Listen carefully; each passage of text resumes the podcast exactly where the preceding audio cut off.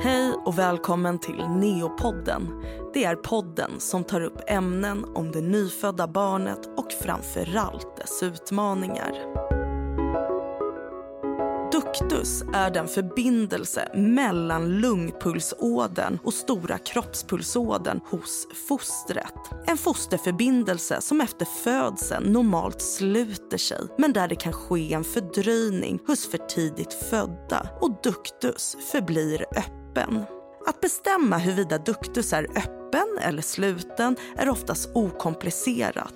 Men att bedöma dess betydelse kan däremot vara betydligt svårare. Och det är många gånger den kliniska bilden och förloppet som sedan får avgöra om behandlingsåtgärder. Att förstå sig på hjärtat och lungorna och barnets blodcirkulation är inte det lättaste. Men idag så ska vi försöka ta reda på mer kring just ductus arteriosus, alltså en öppenstående ductus och som förkortas PDA.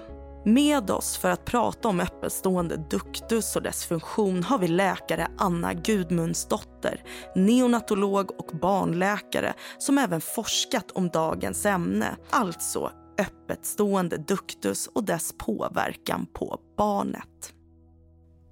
Hej Anna och välkommen till Neopodden. Tack så mycket. Idag så ska vi ju prata om Duktus. Men först så tänkte jag att du skulle berätta lite vad du jobbar med. Ja, eh, jag är barnläkare och eh, blev ju sen neontolog 2013.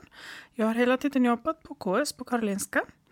Eh, jag är sen mest intresserad av hjärtat och cirkulationen, särskilt hos de prematurt födda barnen. Och det handlar ju, eller visar sig ju i min forskning som handlar om ductus arteriosus som vi ska prata om idag. Eh, jag disputerade 2019 och i min forskning då har jag ju kommit fram till att eh, det är ju vanligt att, eh, att prematurt födda barn har en duktus. Men det är olika eftersom avdelningar och var i vilket land man befinner sig, hur man behandlar det.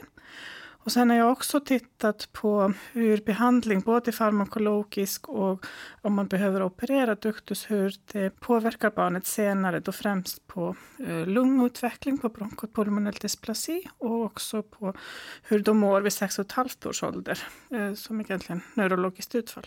Okej, vad intressant. Vi kommer komma in en hel del på just vad det innebär för barnet. Men om vi börjar med att bara liksom, när vi i professionen, lite slarvigt kanske, uttrycker oss att ett barn har duktus.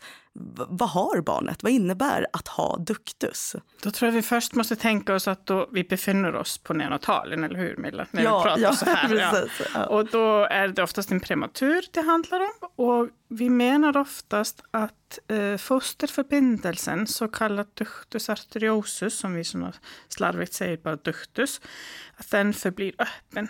Eh, och är kärlet som kopplar kroppspulsådern och lungpulsådern ihop. Och när den är öppen då strömmar ju blodet från vänster, det vill säga från kroppspulsådern över till höger. Och det är över till lungpulsådern. Okej, så att det här är, för att förstå det rätt, alltså en öppetstående ductus det är en fosterförbindelse. Alltså den finns när barnet ligger i mammas mage. Ja, ja. Och det behöver egentligen finnas. Eh, vi kan ju komma mer in på det om vi tittar på hur blodet går runt hos fostret. Då förstår man det bättre. Mm. Men hur skiljer sig då cirkulationen från barnet som ligger i magen till ett barn som då föds och där duktus så småningom sluter sig? Varför behövs duktus? Vad, vad är funktionen? Ja, duktus man kan säga är väldigt viktig. Uh, han, foster har ju som tre fosterförbindelser egentligen. Och det är då ductus arteriosus och så en annan ductus som kallas ductus venosus. Och sen det tredje är ju foramen ovale. Jag tror det är enklast om man bara börjar följa blodet hos fostret och förklara som vilken betydelse ductus arteriosus har. Nu tror jag att vi tar det lite för givet vart vi börjar någonstans. Men vart börjar man? Börjar man i hjärtat? Eller vart, vart sitter de här fosterförbindelserna? Och... Ja, jag tror om vi tänker oss med fostret, då tror jag att vi ska helt enkelt börja var blodet syresätts. Och det syresätts i moderkakan och inte i lungorna. Och sen börjar ju blodet då är ju som i navelsträngen och då är det så kallad navelven som för blodet tillbaka till fostret, in i fostrets kropp. Och där kommer det ju in i levern och där finns den första förbindelsen, ductus venosus, som gör att då från navelven kan man gå över till nedre hålvenen i, hos, hos fostret. Därifrån går ju det syresatta blodet upp till hjärtat och kommer in i högersidan av hjärtat. Och där finner vi oss på nivå som vi kallar förmaksnivå. Där finns ett hål i förmaket mm. som är foramen ovale. Och det egentligen blir som en sån ja, highway på engelska egentligen. Att blodet strömmar bara direkt från höger förmak till vänster förmak. Och det är speciellt för fostret. Och därifrån, eh, eh när det har kommit till vänster förmakt, då rinner syresatta blodet ner till vänstersidan av hjärtat och pumpas så ut från vänster kammare ut till kroppspulsådern. Och den är ju stora eh, ådern i, i kroppen som för blodet både upp till hjärnan och sen ut till resten av kroppen. Och därifrån kan man säga att det finns då en koppling mellan stora kroppspulsådern och upp till lungpulsådern. Och där har vi vår ductus arteriosus som vi ska handla om idag. Okej, och då om jag har förstått det rätt så är ju den betydande för barnet i magen i och med liksom cirkulationen och blodförsörjningen från moderkakan och vidare till barnet. Då. Ja, om vi fortsätter med blodets väg då, då hade vi kommit fram till att det hade pumpats från vänster kammare ut i kroppen. Eh, vad händer då med blodet som ändå får, för det är alltid lite blod som ändå får gå upp till lungorna. Mestadels blodet går ju direkt på förmaksnivå, bara redan över den där förbindelsen foramen ovale. Men en del blod går ju alltid ner i höger kammare mm. och upp i lungpulsådern, som är ju den som är upp till lungorna. Och där, lungorna används ju inte, för barnet andas ju inte. Lungorna är ju vätskefyllda eh, och det är faktiskt ganska högt tryck upp i de lungkärlen, så det är svårt att pumpa blod. Så där kommer ju ductus arteriosus in. Att den leder ju det blodet direkt från lungorna, lungpulsådern, till kroppspulsådern. Och kommer då det blodet sen strömmar ut till kroppen. Okej, så ductus är lite som en genväg? När, ja, exakt. En när, genväg, ja. När barnet för, ligger i magen? Ja, för mm. man behöver inte använda lungorna och då behövs ju en genväg för det där blodet att gå någonstans. Men kan ett barn i magen ha, ett, ha en stängd ductus? Det är inte optimalt ha en stängd duktus. Och det är därför man gravida kvinnor fråråds att ta eh, mediciner som kan eh, stänga duktus. Eh, för att det är inte optimalt. Det kan bli att blodet det hämmar ju utvecklingen och att det är inte optimalt. Okej, okay, så man ska ha en öppen duktus. Man tänker sig att stora majoriteten av foster har en öppen duktus. Stora, stora majoriteten har en öppen. Sen finns alltid sådana sällsynta saker som vi ser ju alltid ibland att det finns ju ingen duktus, men det är kanske för att det, allt har blivit lite på ett annat sätt som ändå har fungerat för fostret och sen mm. barnet. Ja. Men sen så ska ju barnet födas och då börja använda sina lungor. Och det är då den här duktus antingen sluter sig eller förblir öppen. Jag tror du nämnde att det var lite vanligare hos prematura att den förblir öppen. Men hur ser cirkulationen ut för ett barn som förser sig själv så att säga. Ja. Som inte har någon moderkaka och navelsträng. För det är det största som händer när man föds. Så då, då börjar man ju andas. Man börjar som få luft ner i lungorna och då kan ju blodet syresättas i lungorna som det kunde inte innan. Och att man, moderkakan klipps ju bort. Man klipper ju på navelsträngen.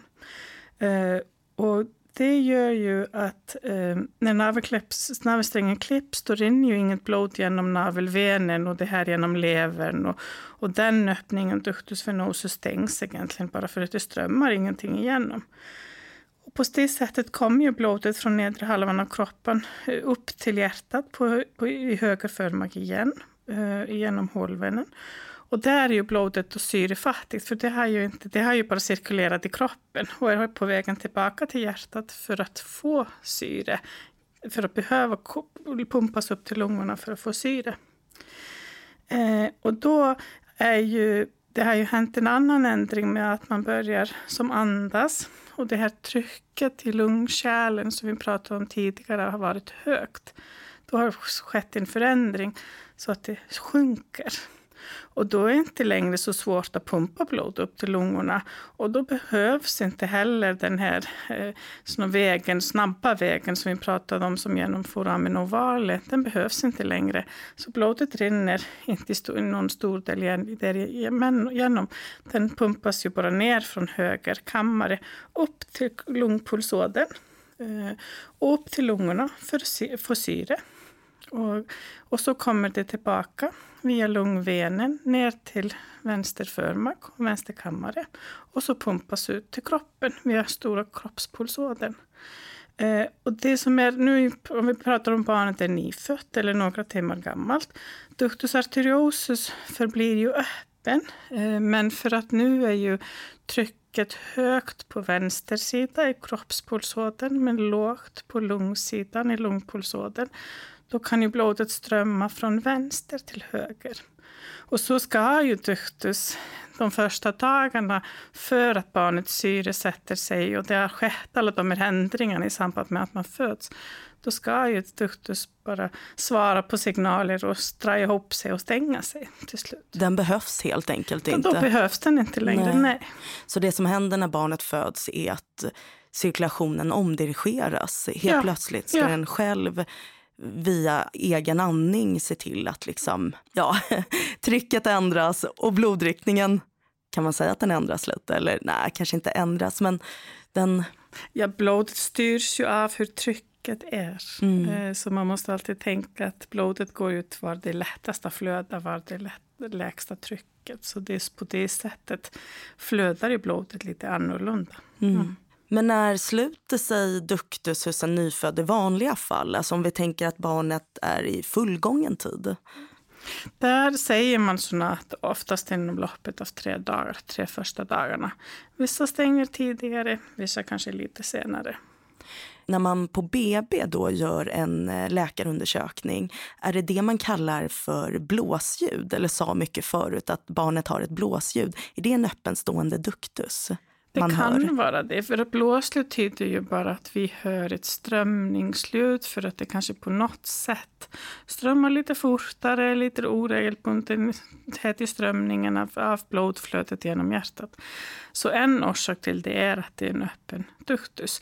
Men det finns ju andra orsaker. Som en väldigt vanlig orsak är att om det finns ett litet hål mellan kamrarna som vi hör ofta på BB. Men blåslutet tyder ju bara att det är någonting som strömmar kanske på lite annorlunda sätt och då vill vi gärna undersöka. Okej, är det alltid patologiskt? Alltså, inte patologiskt, men är det, det bör inte vara där? Nej, det, det, ofta är det bara den här omställningen. För vi har ju pratat mycket om hur blodet flödar i fostret och efter födseln och så. så det, och ni har kanske förstått, det händer jättemycket. Så ofta är det bara själva omställningen som vi hör. Så det behöver inte alls betyda att det är något fel. Men hur kommer det sig att duktus nu inte stänger sig för vissa nyfödda barn eller att det sker en fördröjning? Vilka är riskfaktorerna? Ja, man kan ju säga kanske vi kanske dela upp då om vi har ett fullgånget barn eller om vi har en prematur. Och då kan vi helt enkelt säga risk, att det riskerar risk att vara prematur. Då tar det längre tid för duktus att stänga sig. Eh, om vi tänker på fullgångna barn, då är det alltid enstaka barn som man upptäcker sen att har en duktus som inte stänger sig inom loppet av det här som vi tycker är normalt. Eh, enstaka barn. Vi vet att det är lite vanligare hos flickor. Eh, och det är då oftast att de upptäcks på BB, man hör ett blåslut, man gör ett ultraljud av hjärtat och ser att duktus har inte stängt sig. Och så fortsätter man följa det så småningom och se vad händer. Prematurer är ju absolut en riskgrupp. Och det förklaras ju med att eh, man tror helt enkelt att det är omogenhet i duktus att svara på den här signalen att man är född, att syresättningen ändras. De är ju ofta sjuka på något sätt, behöver hjälp med andningen, behöver syrkas. deras kropp är ju inte redo att komma ut så att kanske signalerna för att stänga duktus, för om de var kvar i, i magen då skulle de ju behöva sin duktus. Så att eh, man tror att det beror på omogenhet, ja. Men om vi nu tänker våra prematura på neo vad innebär det för dem att ha en öppenstående duktus? Är det något som märks av? Märker vi personalen eller kanske till och med föräldrarna av att det här, här är något som inte stämmer eller att duktus är öppen? så? Eller är det bara liksom ett konstaterande att ja, duktus är öppen? På vissa barn börjar vi ju få såna, den här känslan att det kanske kan vara duktus som eh, förklarar hur barnet beter sig. Och de ser vi ofta att det är kanske ett barn som behöver lite mer syrgas, lite mer andningsstöd. Har kanske bara haft relativt lågt syrgasbehov och ligger i CPAP men kräver sen mer och man kanske behöver öka CPAP-trycket. Och så är det ofta det här att ja, ena stunden är de väl syresatta, andra stunden inte. Så att de, vi pratar ofta om att de känns ju lite som lite jojo. Eh, ibland är det duktig som ligger bakom, ibland inte alls. Ibland har vi helt fel. Att vi, det är något annat som stör. Mm. Okej, så att de är lite svajiga i sin eh, syresättning. Men vad innebär det då för kroppen? Är det, är det ofarligt att liksom svaja i syrgas och vara beroende av en CPAP kanske? Eh, nu pratar vi ju mest om prematura barn i det här skedet som beter sig på det sättet. Och då gäller ju mestadels, vi måste ju stötta på helt enkelt upp vad barnet behöver. Om barnet behöver se pappen och behöver syrgas, då är det det bästa för barnen. Um, Jo, ju att vara svajig tyder ju att det är lite svårare för oss att styra. Och då måste vi som vara hela tiden på och skruva lite upp och skruva lite ner. För att vi är ju som, eh, vill ju ha saturationen inom vissa gränser också. Men det är väldigt få av barnen som perioden är så pass långa att man blir orolig. Men det är alltid något som vi måste tänka på och undersöka. Varför beter barnet sig så här? Är det duktus? Är, av vilket betydelse är den? Och så, tänka lite mer. Finns det några akuta risker och kanske mer långsiktiga risker med att ha en öppenstående duktus? Eh, öppenstående duktus leder ju till, om man, vi tänker den prematura barnet, som har då att den förblir öppen och då gör ju att när blodet, för varje slag som blodet pumpar ut från hjärtat från vänstersidan, att då pumpas ut i kroppspulsådern. Det finns då en duktus som leder till att en del av blodet går alltid via ductus arteriosus upp till lungorna igen för att komma sen tillbaka. Och så vid varje så händer alltid lite så. Och vid varje gång att det är alltid lite blod som går upp till lungorna istället för att gå, allt går ut till kroppen. Det är lite mindre blod som går ut till kroppen. Hjärtat behöver jobba helt enkelt lite hårdare. Det behöver pumpa lite mer oftare. Eh, hjärtat kan ju helt enkelt tröttna lite och då säger vi att barnet utvecklar hjärtsvikt. Och då kan det också göra så att det hamnar lite vätska i lungorna. Eh, så det blir den här hjärtsviktsbilden på grund av duktus. Eh, på längre sikt har man ju sett att det här att det är alltid lite blod som inte som stjäls egentligen, som inte, det är mindre blod som går till nedre delen av kroppen. Och då har man sett att det finns en koppling kanske svag till att, man, eh, att tarmarna inte riktigt blir försörjda. Då finns det risk för vissa barn att det kan ha en koppling till att utveckla nekrotiserande enterokolit. På längre sikt är ju det här att lungorna belastas hela tiden mer. Då ser man en koppling till bronkopulmonell dysplasi eller den kroniska eh, lungsjukdomen hos prematurer. Mm. Och sen har man också sett sådana i studier att att den här, all, vi har ju pratat mycket om omställningen och vad händer när fosterförbindelserna stänger sig eller inte stänger sig. Och så att det finns en koppling till med att ha bestående ductus arteriosus tidigt i livet, första timmarna, första dagarna till att utveckla en hjärnblödning. Okej. Jag tänkte bara förtydliga eller förklara lite. Hjärtsvikt vet ju de flesta vad det innebär. Eh, sen nämnde du eh, nekrotiserande, eller NEC som vi Ja, kort. nekrotiserande enterokolit, mm. NEC i kort. Ja. Och det är när tarmen inte får tillräckligt med syre och kanske delar, alltså i värsta fall, delar av tarmen också dör. Jo, det kan ha väldigt allvarliga konsekvenser. Nu är det här sällsynt eh, lyckligtvis. Mm. Men det kan ha väldigt allvarliga konsekvenser. Men det blir ju helt enkelt att det finns lite olika orsaker. Men blodförsörjningen spelar roll. Och sen också om man blir svårt infekterad. Då finns en koppling till det också. Och sen nämnde du BPD, bronkopulmonell dysplasi, eh, som är en nedsatt lungfunktion, ärrbildning på lungan. Ja, ärrbildning och, och försenad utveckling. Mm. Eh, och det är som den lungsjukdom som prematuren, de mest, mest för tidigt födda, mm. eh, kan utveckla. Och då tänker jag också om det här var ju då långsiktiga konsekvenser och de låter ju ganska allvarliga när sätter man in liksom åtgärder för att stänga duktus? Varför har man duktus öppen om det finns såna risker med det? Ja. Nu pratar vi igen, äh, den är, äh, att det är viktigt att vi påpekar att vi pratar om prematura och ja, att mm. riskgruppen är de allra mest prematura som är mest omogna, för det här är kopplat till omogenhet. Och då kan vi, om vi sätter någon gräns på som gestationsveckor, då är det som under vecka 28. Sen är det, det vanligaste. Och det finns enstaka som är lite högre upp i gestation som får problem med duktus, men det blir mycket ovanligare. Eh, behandling beror ju på två saker. För att diagnostisera, som vi säger, duktus, då använder vi oss av ultraljud av hjärtat. Och där tittar vi ju på hjärtat, hur det ser ut och alla kopplingar och hur duktus ser ut. Och där bedömer vi storleken på duktus hur mycket flödar genom den och hur det påverkar hjärtat. Och så tittar vi också på hur barnet mår.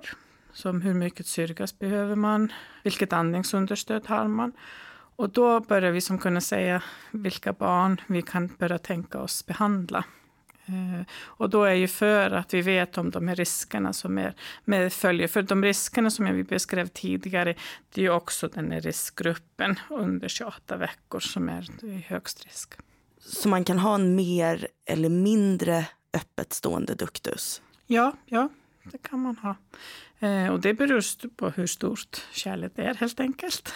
Och sen också hur, det, hur mycket flödar, hur, det finns så många andra faktorer i själva cirkulationen som vi tittar på. Men, men det, hur stor den är och sen hur den påverkar hjärtat är det som vi bedömer. Och det kan vara i olika grader så kan det hela kategoriseras in i olika stadier. Eller, du nämnde lite kring diagnostisering, men när säger man att nu är det tillräckligt mycket för att operera eller behandla på något sätt.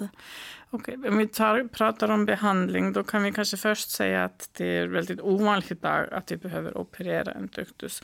Vi har ju som våra strategier är då att antingen behandla med stödjande behandling för barnet eller en aktiv och medicinsk behandling.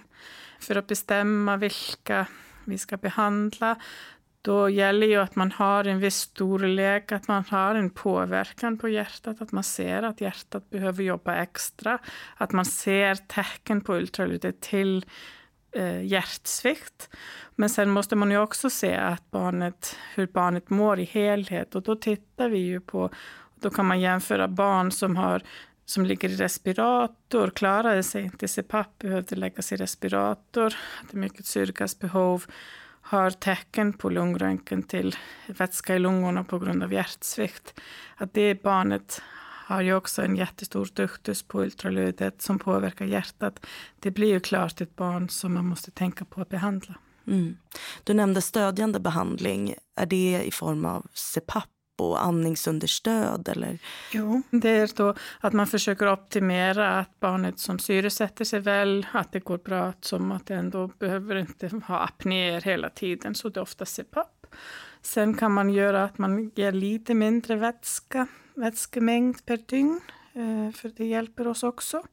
Och så vissa behöver då till och med få lite vätskedrivande medicin. Det är det som vi kallar egentligen stödjande behandling aktiv behandling, då riktar vi oss på mediciner som hjälper duktus att dra ihop sig eh, för att hjälpa stänga duktus. Och då är det helt enkelt Ipren och Alvedon som vi använder oss av. Vanlig Ipren och Alvedon? Ja, ja. ja. Hur ser en sån eh, kur ut? Ja, eh, beroende på lite hur barnet mår, hur mycket mat de smälter undan och så. Då, I vissa fall kan vi bara ge mixtur som vi ger i sonden, för oftast har de ju sond. Eh, men annars ger man intravenöst. Ehm, och då, det första som vi börjar oftast med är Ipren, eller Ibuprofen. Ehm, och det har ju båda dessa läkemedel påverkar ju egentligen duktus genom att det påverkar så kallat ämne som kallas prostaglandin. Och prostaglandin är ämne som är i kroppen och hjälper ju duktus att hålla sig öppet. Så Ipren och Alvedon eh, hjälper ju egentligen att man förhindrar eh, att, att prostaglandiner bildas lika mycket. Och på det sättet hjälper man duktus att kanske stänga sig. Vet man hur effektiv eh, farmakologisk behandling är? Hur många hjälps av den? Ja, det är en intressant fråga. Den är lite svårt att svara på, men man har sagt som i allra bästa fall och då ser man kanske att 50 till 60 procent svarar eh, med att man mäter då att duktus är stängd inom loppet av en viss tid efteråt. Det är allra, allra bästa fall. Och vi ser att desto omognare barnet är, desto svårare eller sämre svar får vi på läkemedelsbehandlingen. Um, och då, om man bara jämför en 24 jämfört med en 27, då svarar en 27 som är född i vecka 27 mycket bättre. Um, men kanske, vi har alltid tänkt att vi måste se att dukter stänger sig. Ibland kanske räcker bara att vi får lite hjälp med att duktus börjar dra lite mer ihop sig. Och det räcker till att cirkulationen blir lite bättre för barnet, att det flödar lite mindre blod. Så kanske räcker det så att vi har inte bättre svar än så. Nej. Nej. Men kan man tänka sig att med tiden att duktus sluter sig? Att om vi bara ger barnet tillräckligt med tid, sen visst mår barnet så pass dåligt att det påverkar barnet så behöver man ju behandla. Men sluter sig alltid en duktus så småningom? Ja, det har man ju tittat mycket på senaste åren. För att för 10-15 år när jag började min karriär i antologi, då var ju som egentligen standard att ja, nästan alla fick behandling. Så, och det ser man på siffror. det är minst 60 procent som har fått en farmakologisk behandling för sin dotter om man är född före vecka 28 man har ju sett ändå att fler och fler stänger ju sin duktus av sig själva. Du vet, en 27 kan ju stänga, det kanske bara tar tre, fyra veckor. Det tar lite längre tid utan att barnet mår sämre på något sätt. Att man bara behöver ge dem chansen. Så att vi, visst, ja, de har en förmåga att stänga. Det tar längre tid. Men då gäller det för oss att sortera de som mår dåligt av sin duktus. Mm. Men hur screenar man för duktus? Hur vet man? Vi var ju inne lite på det tidigare att, eh, att man kan se det på barnet via hur det mår och så. Men jag tänker, vilken dag kollar man på duktus? Om vi tänker oss att alla barn bara föds oavsett vecka. När tittar vi på duktus? Ja. Om vi börjar igen det här, om det är ett barn som är på BB, då är ju screeningen egentligen att man undersöker barnet och lyssnar på hjärtat. Och om man hör ett blåsljud då föranleder det att man gör ultraljud av hjärtat för att kolla vad ligger bakom. Och ibland finns ingenting som är annorlunda eller avvikande. Det är bara den där omställningen. Ibland ser man något, ibland ser man en uppestående duktus. Så det är egentligen vad man gör med fullgångna. Om man är på neonatalen och då är det igen den här riskgruppen av prematurer. Då har man ju, i alla fall i Stockholm har vi rutinen att alla som är födda före vecka 27 till 28, att vi brukar undersöka med ultraljud av hjärtat första veckan. Som oftast dag ja, 5 till 7, någonstans när man är en vecka gammal. Sen är det väldigt olika, både inom i Sverige och i andra länder, Vissa tittar man tidigare, har det som rutin. Vissa tittar inte. Om bara barnet måste verkligen visa tydliga tecken på att det kanske kan vara en duktus som är öppen, som ligger bakom hur barnet mår. Så det är ju lite olika strategier. Mm. Så det hänger väldigt mycket på den kliniska bilden, hur barnet ja, mår i sig? Ja, ja. Det, och det är kanske den största ändringen som har skett de senaste åren är att man börjar titta lite mer hur barnet mår. För att vi har sett den här, att de har ändå en förmåga att klara det själva. Att det är inte bara... Man, tittar ju, man tänkte lite förut att Nej, men när man föds, efter att man föds ska duktus ju stänga sig och då har man ju tänkt på det här förloppet vi har sagt som ja, det tre dygn kanske och så plus minus någonting. Men nu har man ju som sett att nej, men de har en förmåga men det tar längre tid för prematura barnen. Så vi behöver kanske bara ge dem lite möjligheter. Men om vi nu föreställer oss att ett barn föds i ja, exempelvis vecka 24 vars kliniska bild är ändå att den är kraftigt påverkad, den mår dåligt och man tror att det är mycket på grund av duktus. När beslutar man sig för operation? Vad är kriterierna? Idag då är det ju väldigt få som man bedömer och tror att eh, måste verkligen behöva en operation. Men det är då barn som vi försöker alltid ge farmakologisk behandling innan. Vi försöker optimera allt som vi kan som är att inte ge dem för mycket vätska. Vi kanske börjar med farmakologisk behandling. Eh, vi provar med vätskedrivande mediciner. Vi ser om vi kan få barnet att förbättras. Om det inte räcker, barnet kan som absolut inte vara utan respirator. Eh, och det är oftast barn som är kanske tre till sex veckor gamla, kanske i snitt, eh, och är födda så något tidigt. Vecka 24 är ett väldigt bra exempel för att det är en stor skillnad mellan en vecka 24 och vecka 26, 27, väldigt sällan att de hamnar i det här förloppet.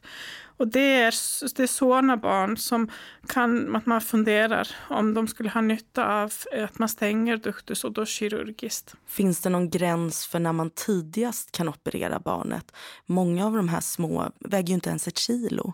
Ja, vad gäller tidpunkt och sen som gräns för operation. Om vi tittar tillbaka när vi opererade mycket fler barn, då är snittet att behöva kanske opereras för, som från tre till sex veckors ålder var det vanligaste. Så alltid några som är lite senare. Eh, man har ju opererat tidigare och det går ju även om barnet är så litet. De är kanske bara 600-700 gram och det går ju. Eh, men man har visat att det att desto tidigare, då är det ju mer risker. Och de barnen senare vid någon långtidsuppföljning, då har det varit en riskfaktor om man är opererat väldigt tidigt, trots att man säkert är ju väldigt sjuk. Då är det en ytterligare faktor att ha varit opererat väldigt tidigt och då säger jag som inom två veckor. Mm. Vad menar du med ytterligare en riskfaktor? För vad då? För att som hur mans neurologiska utveckling är. Operation görs det under narkos eller lokalbedövning? Hur går en operation till? Operationen görs i narkos. Man måste ju komma in i bröstkorgen för att komma åt kärlet som ligger där mellan lungpulsådern och kroppspulsådern. Eh, så de måste göra att komma in genom bröstkorgen. Barnet behöver ju vara nersövt och behöver väldigt bra smärtlindring både under operation och efter. Så då ligger de i respirator? Ja, de läggs i respirator innan operationen och ligger respirator alltid några dagar upp till en vecka efter en operation. Okej, så att återhämtningen är då några dagar till en vecka och sen så kommer de ur sin respirator. Märker man en direkt skillnad? När man har lyckats stänga duktus? Det... Jo, det är, det är, man märker kanske inte... Oftast när jag berättar för föräldrar när, man, när deras barn ska gå ner till operation att vi måste ju åtgärda problemet. Sen blir man ju kanske inte riktigt bättre på en gång. Det tar ofta två, tre dagar till att se att, man, att de börjar må bättre. Och det är ju för att som cirkulationen och hjärtat måste lite vänja sig vid att Istället för att jättestor mängd av blod går genom duktus, då gör det inte längre. Och då måste som hjärtat och cirkulationen vänja sig och barnet vänja sig lite vid de nya förhållanden som är egentligen är bättre och mer optimal, men de måste vänja sig lite till det. Ett barn som haft en öppenstående duktus och nu krävt kirurgi, säger man att barnet föddes med ett hjärtfel eller ser man det mer som ett tillstånd? Om vi tittar generellt på de prematura barnen som har förlängt eller uppduktus förblir öppen längre och vissa kräver behandling, då, då är det mer som ett tillstånd. Eh, men för sig, de som opereras, de får ju diagnosen som en missbildningsdiagnos. Eh, och det är ju lite en kategorisering hos oss, men de eh, bedöms ju ändå hjärtfriska efter att de har som hämtat sig. Går det att leva livet ut med en öppenstående duktus? Eh, det kan, finns ju säkert några fall som man aldrig upptäckt.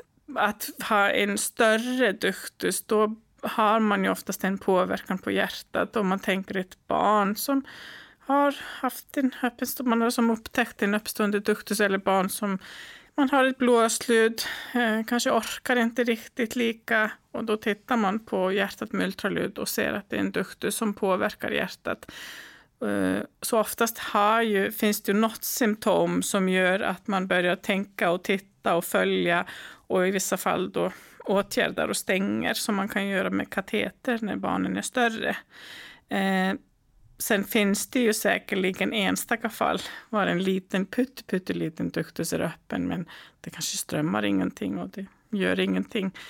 Det tror jag är väldigt ovanligt. Mm. Anna, nu har inte jag några fler frågor. Är det något du vill ta upp? Vad bör man som förälder exempelvis tänka på? Jag tror det är viktigt att som tänka, det är alltid lite svårt att förklara för föräldrarna duktus, för det är ju såna, vi tittar och vi tittar, men vi kanske inte gör så mycket. Så det är ju mer ett tillstånd, det är ju bättre att beskriva det. Eh, och att vissa har ju ändå ett förlopp som vi kan bara stödja barnet till att det blir mer ett naturligt förlopp, att de stänger av sig själva. Och så håller vi på med våra undersökningar så att försöka hitta barnen så vi måste vara lite mer aktiva med och tänka på behandling. Allra flesta barn, om de behöver behandling, är då bara den medicinska eller farmakologiska som vi har pratat om. Eller att vi stödjer barnet med andningsstöd och syrgas och lite vätskedrivande och så. Att operation är som väldigt sällan vi tar oss till idag. Ehm, men att jag tror vi ofta kanske gör föräldrarna lite oroliga för vi håller på med våra bedömningar så att det kanske om man har en prematur på neonatalen och läkarna börjar prata om duktus så är att jo, det är bara en faktor som vi vill ha koll på egentligen. Mm. Ehm, att man får inte bli, försöka inte bli alltför orolig. Mm. Ja, alltså hjärtat i sig, det är ju lite läskigt, tänker jag. Man, eh, man tänker att den är så central, eller det är den ju för hela människans liksom, cirkulation. Så. Eh, att börjar man prata om det så känns det såklart eh, väldigt stort. Det är bara helt naturligt. Det ja. kan ju inte vara på något annat sätt. Nej men visst. Och om jag har förstått det lite rätt så är det som att när barnet ligger i magen då tar blodet en genväg och så kommer den ut och så är det nästan som att den tar en omväg istället. Den fortsätter att ta samma väg genom den här öppet stående duktus vilket i förlängningen kan ge barnet lite hjärtsviktsbild och i annat fall även påverkan på lungor och tarmar. Jo, jo. och det, det är som en bra sak, det är verkligen en genväg. För sen, och där ställer det att den förblir öppen kan så småningom ställa till problem. Sen kan det vara väldigt, väldigt bra att den finns öppen när barnet har ett så pass eh, hjärtfel som gör att cirkulationen inte riktigt fungerar efter att barnet är fött och då är det duktusen som räddar.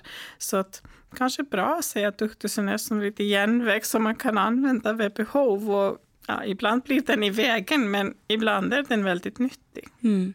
Och det har, nämnde vi ju ingenting om, att det finns ju tillstånd då man vill hålla den ja. öppen. Eh, det är inte så vanligt. Jag, man träffar några barn emellanåt där man behöver hålla duktus jo, öppen. Jo, jo, jo. Och det är ju Ehm, lyckligtvis då har vi ju så bra eh, att mödrarna gör ju ultraljud under graviditeten och de som gör ultraljuden har blivit väldigt bra på att hitta de allvarliga hjärtfelen. Så att det är inte ofta vi träffar på sådana någon på BB som inte mår bra och har ett hjärtfel. Eh, oftast vet vi om det och då kan vi ju organisera oss så bra att vi är så bra förberedda och vet exakt vad vi ska göra till att hjälpa barnet. Men då finns det en grupp av barn som är att det är jätteviktigt att duktus inte stänger sig, den ska bli öppen. Och då har vi medicin för det också. Mm. Nu kommer jag på en till fråga här. Ja. eh, om man nu skulle behöva opereras för duktus, nu tänker jag inte hjärtfel så, utan bara för den här duktus, kan man göra det på alla stora sjukhus? I första hand är det oftast på de som har barn thoraxkirurgi. Det är då bröstkorgs och hjärtkirurgi. Det är hjärtkirurgi. Eh, och det är ju bara på två ställen i Sverige. Och det har ju funnits då universitetskliniker som i Stockholm som har haft eh, kirurger som har kunnat stänga duktus ändå. Eh, eftersom att antalet duktusoperationer har gått så drastiskt ner då är det egentligen bara de som gör eh, hjärtkirurgi, kirurgerna och klinikerna som gör det, som kan stänga duktus med kirurgi idag. Mm. Och metoden har väl också ändrats lite. Jag vet de här barnen som är vuxna idag, de har ju som ett stort R över eh, vad ska man säga, baksidan rygg och kanske lite ut över bröstet. så. Medan idag så behöver man väl inte gå in på det viset för slutaren. Jo, det är ju som beror lite på vilken teknik varje använder. Nu blir ju arret hos ett liten prematur växer ju tyvärr lite när barnet blir större, så det blir det större. Eh, vissa kliniker eh, har en sån var man kan ha mycket mindre hål, som är sån titthålsoperation, och då blir ju arret mycket mindre. Sen är ju allra största utvecklingen som sker idag, men vi har bara inte riktigt kommit till de allra minsta barnen, det är att stänga duktus genom att gå in med en kateter i lumsken, i ett kärl i lumsken och gå den vägen och stänga, som blir ju mindre ingrepp, kanske totalt. Och det är väl mycket av den kirurgin man ser på vuxna idag? Jo, jo, ja, jo, jo precis. Ja. Mm. Så barn, vi, vi kommer kanske ikapp någon gång. Precis, vi är på väg. Eh, nu när vi ändå är inne på det här kring operation, kan du inte berätta lite om din forskning? Ja, eh, jag har ju i min forskning då har vi tittat på hur barn som är födda då såna tidigt, eh, före vecka 27 faktiskt, eh, och har behövt genomgå både som medicinsk eh, duktusbehandling eller eller och operation, duktusoperation. Och då har vi tittat på hur de mår eh, och då är det neurokognitivt utfall vi tittar på när de är sex och ett halvt år. Eh, och det har ju med som både hur man rör sig, hörsel, syn och sen också hur man ja, lite klarar sig i skolan. Man gör en sån kognitiv bedömning av barnet. Eh, och då ser vi ju att, för risken har ju varit att man har tänkt på att duktusoperation är ju en riskfaktor för att det är en stor operation och de mår inte alltid så bra efter den och så att det skulle ju leda till att det var ökad risk för att må sämre. Eh, och då har vi egentligen sett att när vi jämför barn som har som både genomgått farmakologisk behandling och en duktusoperation efter, de mår inte sämre än barn som är födda i samma vecka som inte genomgått behandling. Så att eh, vi tolkar det ju som att de barn som behöver verkligen behandlingen, de ska ju få den för att det sannolikt är bättre för dem. Men det som vi såg också var att barn som opereras väldigt tidigt, och det är ju, då satte man ju gräns före tio dagar som är extremt tidigt jämfört med en operation som sker efter tre veckor. Och då såg vi att den gruppen som opereras extremt tidigt, den mår sämre eh, efter att ha fått en duktusoperation jämfört med de som inte är opererade. Så att tid, därför tror jag att tidpunkten sannolikt spelar någon roll eh, för hur barnet kan klara sig sen. Mm. Otroligt spännande. Men Anna, det var allt för den här gången. Och tack för att du eh, gästade Neopodden. Ja, tack för att jag fick komma och berätta. Ja, såklart. Tack.